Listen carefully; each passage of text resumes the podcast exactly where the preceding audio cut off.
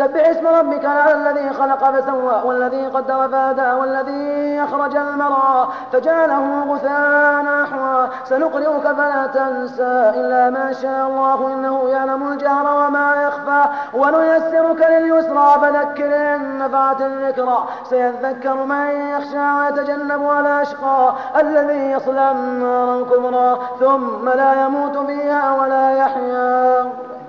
قد أفلح من تزكى وذكر اسم ربه فصلى بل تؤثرون الحياة الدنيا والآخرة خير وأبقى. إن هذا لفي الصحف الأولى صحف إبراهيم وموسى.